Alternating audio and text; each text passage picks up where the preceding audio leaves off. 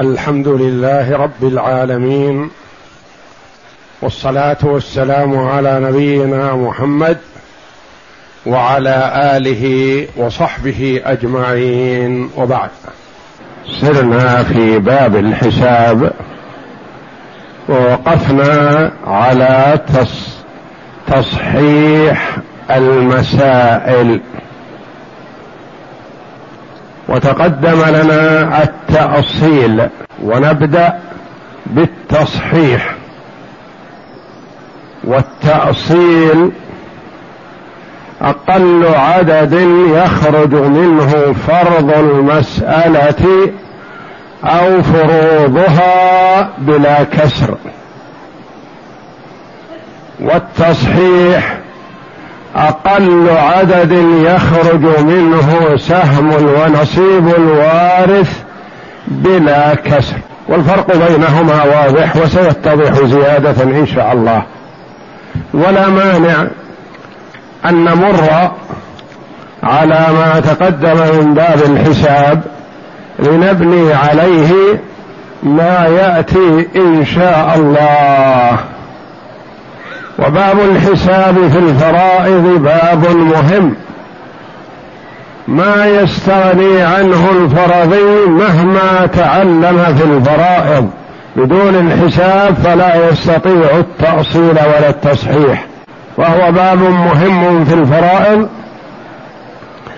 وقد قال المؤلف رحمه الله وإن ترد معرفة الحساب لتنتهي فيه إلى الصواب أو لتهتدي. تروى هكذا وهكذا. وتعرف القسمة والتفصيل وتعلم التصحيح والتأصيل. كل هذا من باب التشويق إلى معرفة باب الحساب وبيان أهميته. فاستخرج الأصول في المسائل ولا تكن عن حفظها بذاهل. هذا توجيه. فإنهن سبعة اصول ثلاثة منهن قد تعول فإنهن أي الأصول. أصول المسائل سبعة وهذه المتفق عليها. وعرفنا أن هناك أصلان مختلف فيهما أهما أصلان أم مصحان فقيل بهذا وقيل بهذا. وكتب الفرائض بعضها تقول والصحيح أنهما أصلان وبعضها تقول والصحيح أنهما مصحان. ولا مشاحة في هذا والحمد لله سواء كانا أصلين أو مصحين فالنتيجة واحدة. هما يحتاج إليهما في باب الجد والإخوة فقط. فإنهن سبعة أصول هذه المتفق عليها. ثلاثة منهن قد تعول. ما هذه السبعة؟ أصل اثنين وأصل ثلاثة وأصل أربعة وأصل ستة وأصل ثمانية وأصل اثني عشر وأصل أربعة وعشرين. هذه السبعة. إيش معنى قوله إنها أصول؟ يعني أصول لبيان الفروض. تنظر الفروض الذي معك ثم تستخرج أصل المسألة حسب ما معك من فرض أو فروض. أصل اثنين ما في أصل واحد. لأنه إذا كان الوارث واحد أخذ المال ولا يحتاج إلى قسمة ولا شيء من هذا. هلك هالك عن أب يأخذ المال. هلك هالك عن عم يأخذ المال. هلك هالك عن معتق يأخذ المال. هلك هلك هالك عن ابن ابن أخ شقيق أو لأب أخذ المال وهكذا. فما يحتاج إلى أن يقول أصل واحد. أصل اثنين يجتمع فيه فرض أو فرضان.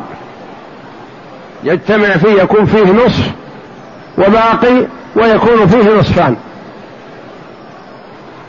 أصل اثنين هلك هالك عن زوج وعم. المسألة من اثنين للزوج النصف فرضا وللعم الباقي تعصيبا. هلك هالك عن زوج وآخ شقيق مثله. هلك هالك عن زوج وأخت شقيقة. المسألة من اثنين فيها فرضان للزوج نصف واحد وللأخت الشقيقة النصف واحد. وهكذا. فيكون أصل اثنين فيه نصف واحد أو نصفان. نصف وباقي أو نصفان. أصل ثلاثة. نعم. أصل ثلاثة تحتاج إليه إذا كان في المسألة ثلث. تقول من ثلاثة. في المسألة ثلثان تقول من ثلاثة. إذا كان في المسألة نصف ممكن أن تقول ثلاثة؟ لا. إذا كان في المسألة ربع ممكن أن تقول من ثلاثة؟ لا. إذا كان في المسألة سدس وهو نصف الثلث ممكن تقول من ثلاثة؟ لا. تنظر إلى الفرض الذي في المسألة فتخرج المسألة منه. فيها ثلث من ثلاثة. فيها ثلثان من ثلاثة. ويمكن يجتمع ثلثان. وثلث. وكلها فروض. هلك هالك عن أختين شقيقتين وأختين لأم. المسألة من ثلاثة. للأختين الشقيقتين الثلثان اثنان وللأختين لأم من الثلث واحد. وممكن يكون فيها ثلث وباقي وثلثان وباقي وهكذا. هذه أصل ثلاثة. أصل أربعة. إذا كان في المسألة ربع. فتقول من أربعة. فيها ثمن ما تقول من أربعة. فيها ثلث ما تقول من أربعة. ممكن يكون فيها ربع ونصف. نعم ممكن تقول من أربعة. ربع ونصف. مثال ذلك هلك هالك عن زوجة وأخت شقيقة. للزوجة الربع واحد لعدم الفرع الوارث وللأخت الشقيقة النصف فرضا فيها نصف وربع. وهكذا. إذا كان في المسألة سدس أو سدسان أو ثلث وسدس أو ثلثان وسدس كلها تكون من ستة. هلك هالك عن جدة وعم المسألة من ستة. للجدة السدس واحد والباقي للعم تعصيبا. هلك هالك عن جدة وأب للجدة السدس واحد والباقي للأب. هلك هالك عن أم وأختين شقيقتين فيها سدس وثلثان. قد يكون فيها سدس وثلث واحد سدس جدة وأختين لأم. سدس وثلث. سدس وثلثان جدة وأختين شقيقتين وعم. للجدة السدس وللأختين الشقيقتان الثلثان أربعة والباقي واحد للعم. ستة. ثمانية. إذا كان في المسألة ثمن. أو ثمن ونصف. ولا يجتمع الثمن والربع أبدا. لأن الثمن نصيب الزوجات أو الزوجات. والربع نصيب الزوج أحيانا ونصيب الزوجة أو الزوجات أحيانا.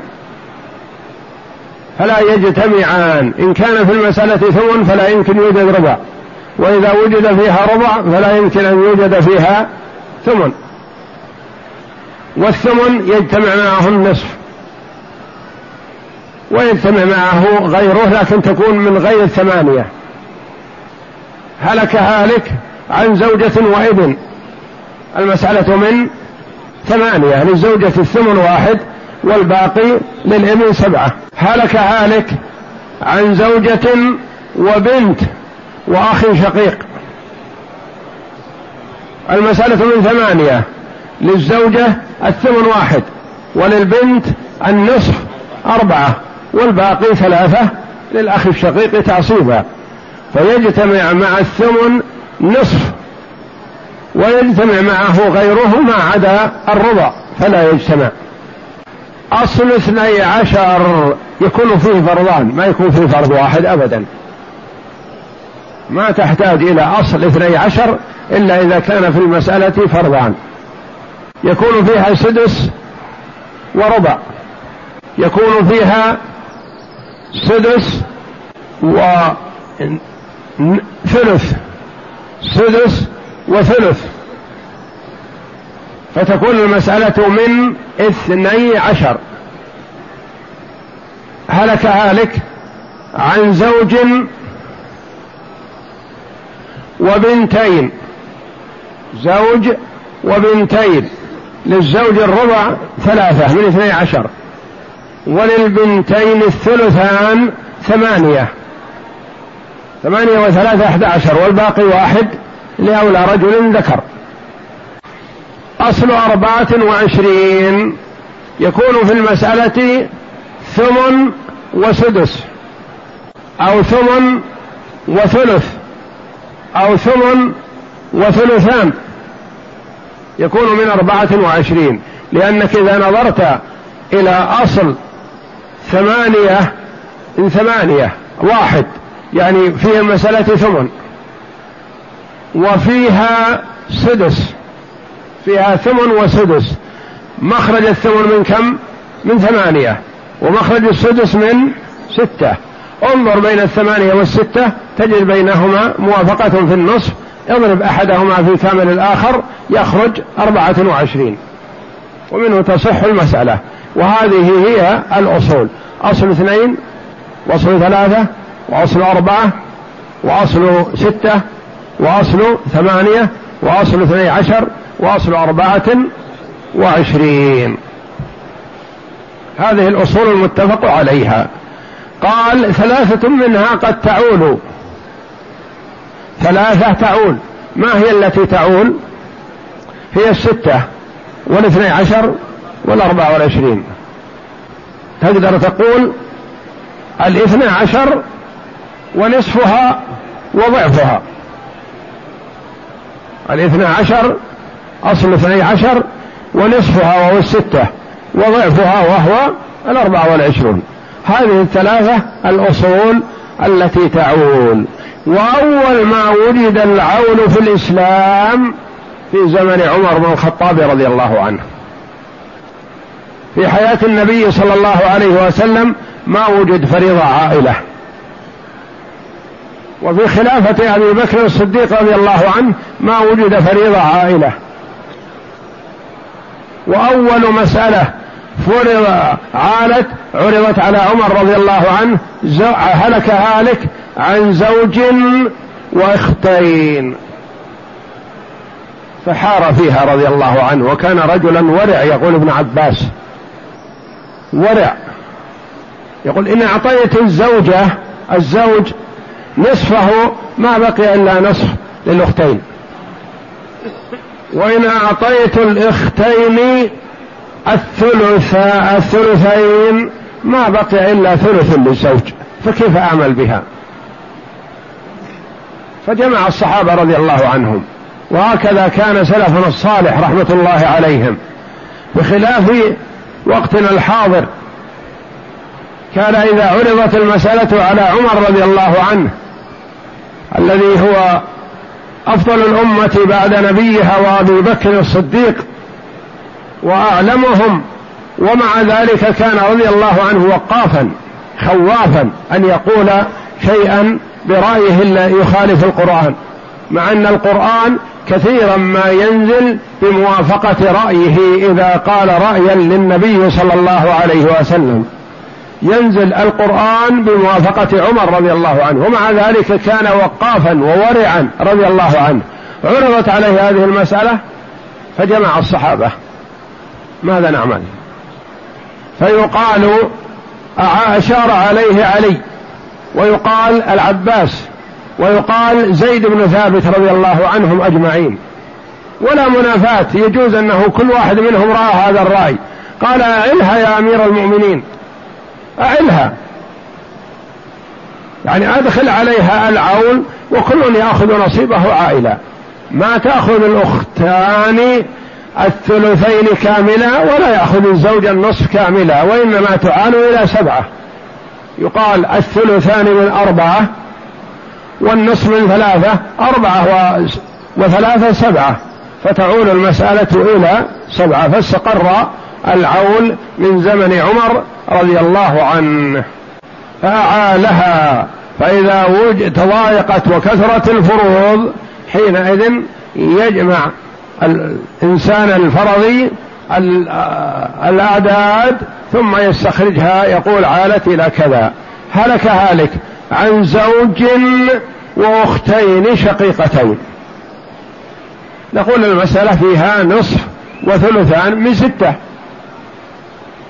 المسألة من ستة. للزوج النصف ثلاثة. وللأختين الشقيقتين الثلثان أربعة. نجمع الأربعة والثلاثة كم تكون؟ سبعة. نقول بدل ما قلنا من ستة أصلها نقول أصلها عالت إلى سبعة. فنعطي الزوج ثلاثة من سبعة. نسميها نصف دون النصف. ونعطي الأختين الثلثين أربعة من سبعة. أربعة أسباع. وهذا ثلاثة أسباع.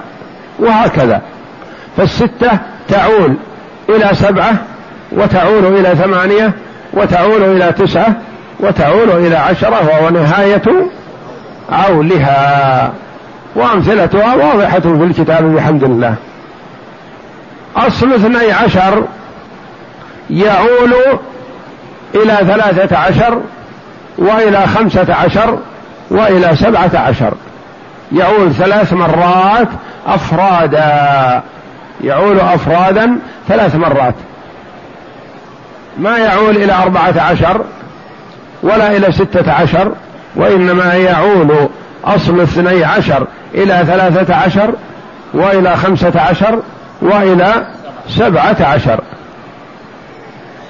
وأمثلتها موجودة. أصل أربعة وعشرين يعول مرة واحدة وتسمى البخيلة. عالت مرة واحدة من أربعة وعشرين إلى سبعة وعشرين فقط تعول بالثمن. ثمن الأربعة والعشرين كم؟ ثلاثة. أضفه إلى الأربعة والعشرين تكون عالت إلى سبعة وعشرين. وهذا معنى قول المؤلف رحمه الله فإنهن سبعة أصول ثلاثة منهن قد تعول قد مو لازم قد تعول وبعدها أربعة تمام. لا عول يعروها ولا انسلام. ثم بدأ في بيان العول فقال فالسدس من ستة أسهم يرى والسدس والربع من اثني عشر. يعني إذا كان سدس فقط أو سدس وثلث أو سدس وثلثان فهو من ستة. وإذا كان فرضان سدس وربع فإنها تكون من اثني عشر لأن السدس والربع ما يجتمعان إلا في الاثني عشر. السدس من ستة لكن ربع ما للستة ربع. الربع من أربعة لكن لها ليس لها سدس.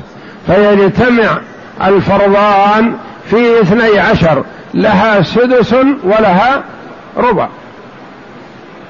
ويجتمعان كذلك في أربعة وعشرين لكن ما تذهب إلى الأربعة والعشرين وأنت تجد الاثني عشر.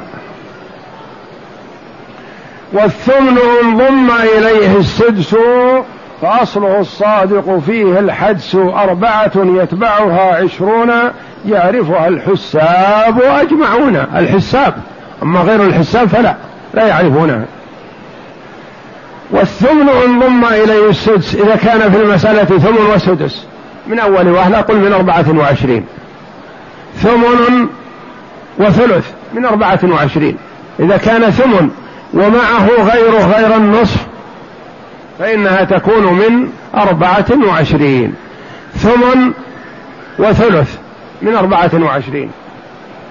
ثمن وثلثان من أربعة وعشرين. ثمن معه فرض آخر يكون من أربعة وعشرين. فهذه الثلاثة الأصول أصل ستة وأصل اثني عشر وأصل أربعة وعشرين. إن كثرت فروضها تعول يعني تزيد الفروض على أصل المسألة فتعول حسب فروضها. فتبلغ الستة عقد العشرة في صورة معروفة مشتهرة تبلغ الستة يعني تعول الستة إلى العشرة. تعول الستة إلى سبعة وإلى ثمانية وإلى تسعة وإلى عشرة. وهذا نهاية عولها. وتلحق التي تليها بالأثر. ما هي التي تليها؟ أصل اثني عشر. بالعول إفرادا إلى سبع عشر. يعني من اثني عشر تعول أفراد. إيش معنى أفراد؟ يعني من اثني عشر ثلاثة عشر وخمسة عشر وسبعة عشر. ولا تعول ستة عشر وأربعة عشر لأن هذه ليست أفراد. والعدد الثالث ما هو؟ أصل أربعة وعشرين. قد يعول بثمنه تعول أربعة وعشرين بالثمن وهو الثلاثة مع أربعة وعشرين فتعول إلى سبعة وعشرين. والعدد الثالث قد يعول بثمنه فاعمل بما أقول. ثم بين لك رحمه الله مخارج الأصول مخارج الفروض من أصولها. كيف تعرف أصل اثنين وأصل ثلاثة وأصل خمسة وأصل سبعة وأصل عشرة؟ كيف تعرف هذا؟ قال فالنصف والباقي أو النصفان أصلهما في حكمهم اثنان.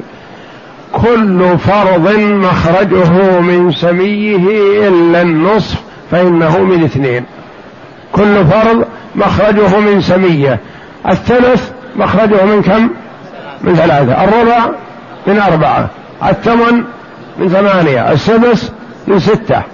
هذا معنى قوله كل فرض مخرجه من سمي إلا النصف نصف نصف مخرجه من اثنين. يخرج من غير سمية. والنصف والباقي زوج وعم أخت شقيقة وعم. وهكذا. أخت لأب وعم بنت وعم. نصف وباقي من اثنين. أو نصفان وكيف يجتمع النصفان؟ يجتمع النصفان في زوج وأخت شقيقة وزوج وأخت لأب فقط. ما يجتمع النصفان إلا في زوج وأخت شقيقة وأخت لأب ولا يكون زوج وبنت. لأن البنت تأخذ النصف لكن إذا وجدت حرمت الزوجة من من النصف إلى الربع. والنصف والباقي أو النصفان أصلهما في حكمهم اثنان يعني أصل ما كان في المسألة إذا كان في المسألة نصف أو في المسألة نصفان فأصلها من اثنين. والثلث من ثلاثة يكون والربع من أربعة مسنون. مسنون يعني طريقة مسار عليها وليس هو المسنون الذي يثاب فاعله ولا يعاقب تاركه لا. والثلث من ثلاثة إذا كان في المسألة ثلث هلك هالك عن أم وعم المسألة من ثلاثة. هلك هالك عن أختين لأم وعم المسألة من ثلاثة وهكذا. والربع من أربعة مسنون الربع للزوج مع وجود الفرع الوارث أو للزوجة أو الزوجات مع عدم الفرع الوارث. والثمن إن كان يعني الوجد فمن ثمانية فهذه الأصول الثانية. النصف والثلث والثمان. لا يدخل العول عليها فاعلمي ثم اسلك التصحيح فيها تسلمي. وإن تكن من أصلها تصح فترك تطويل الحساب ربح. إن تكن من أصلها تصح. صحت من أصلها ما يحتاج إلى أن تصحح وتطول المسألة. هلك هالك عن جدة وخمسة أبناء. المسألة من ستة. للجدة السدس واحد ولخمسة الأبناء الباقي خمسة. ما يحتاج أن تقول نضرب رؤوس الأبناء خمسة في أصل المسألة ستة فتصح من ثلاثين. لست بحاجة إلى هذا لأن الباقي بعد نصيب الجدة منقسم على الأبناء. هلك هالك عن جدة وأربع أخوات شقيقات وأخت لأم. المسألة من ستة. للجدة السدس واحد. وللأخت لأم السدس واحد. ولأربع الأخوات الشقيقات الثلثان أربعة. منقسم عليهن. ما تقول نصحح نضرب أصل المسألة ستة في رؤوس الأخوات أربعة أربعة في ستة بأربعة وعشرين. لا. وإن تكن من أصلها تصح فترك تطويل الحساب ربح. فأعط كلا سهمه من أصلها من أصل المسألة. مكملا إذا كان كامل أو عائلا من عولها. عائلا من عولها. حسب ما هو عليه حسب ما جاء في العول. وإن تكن وإن ترى السهام ليست تنقسم على ذوي الميراث فاتبع ما رسم. وهذا موضوع درسنا القادم إن شاء الله. والله أعلم. وصلى الله وسلم وبارك على عبده ورسول نبينا محمد وعلى آله وصحبه أجمعين.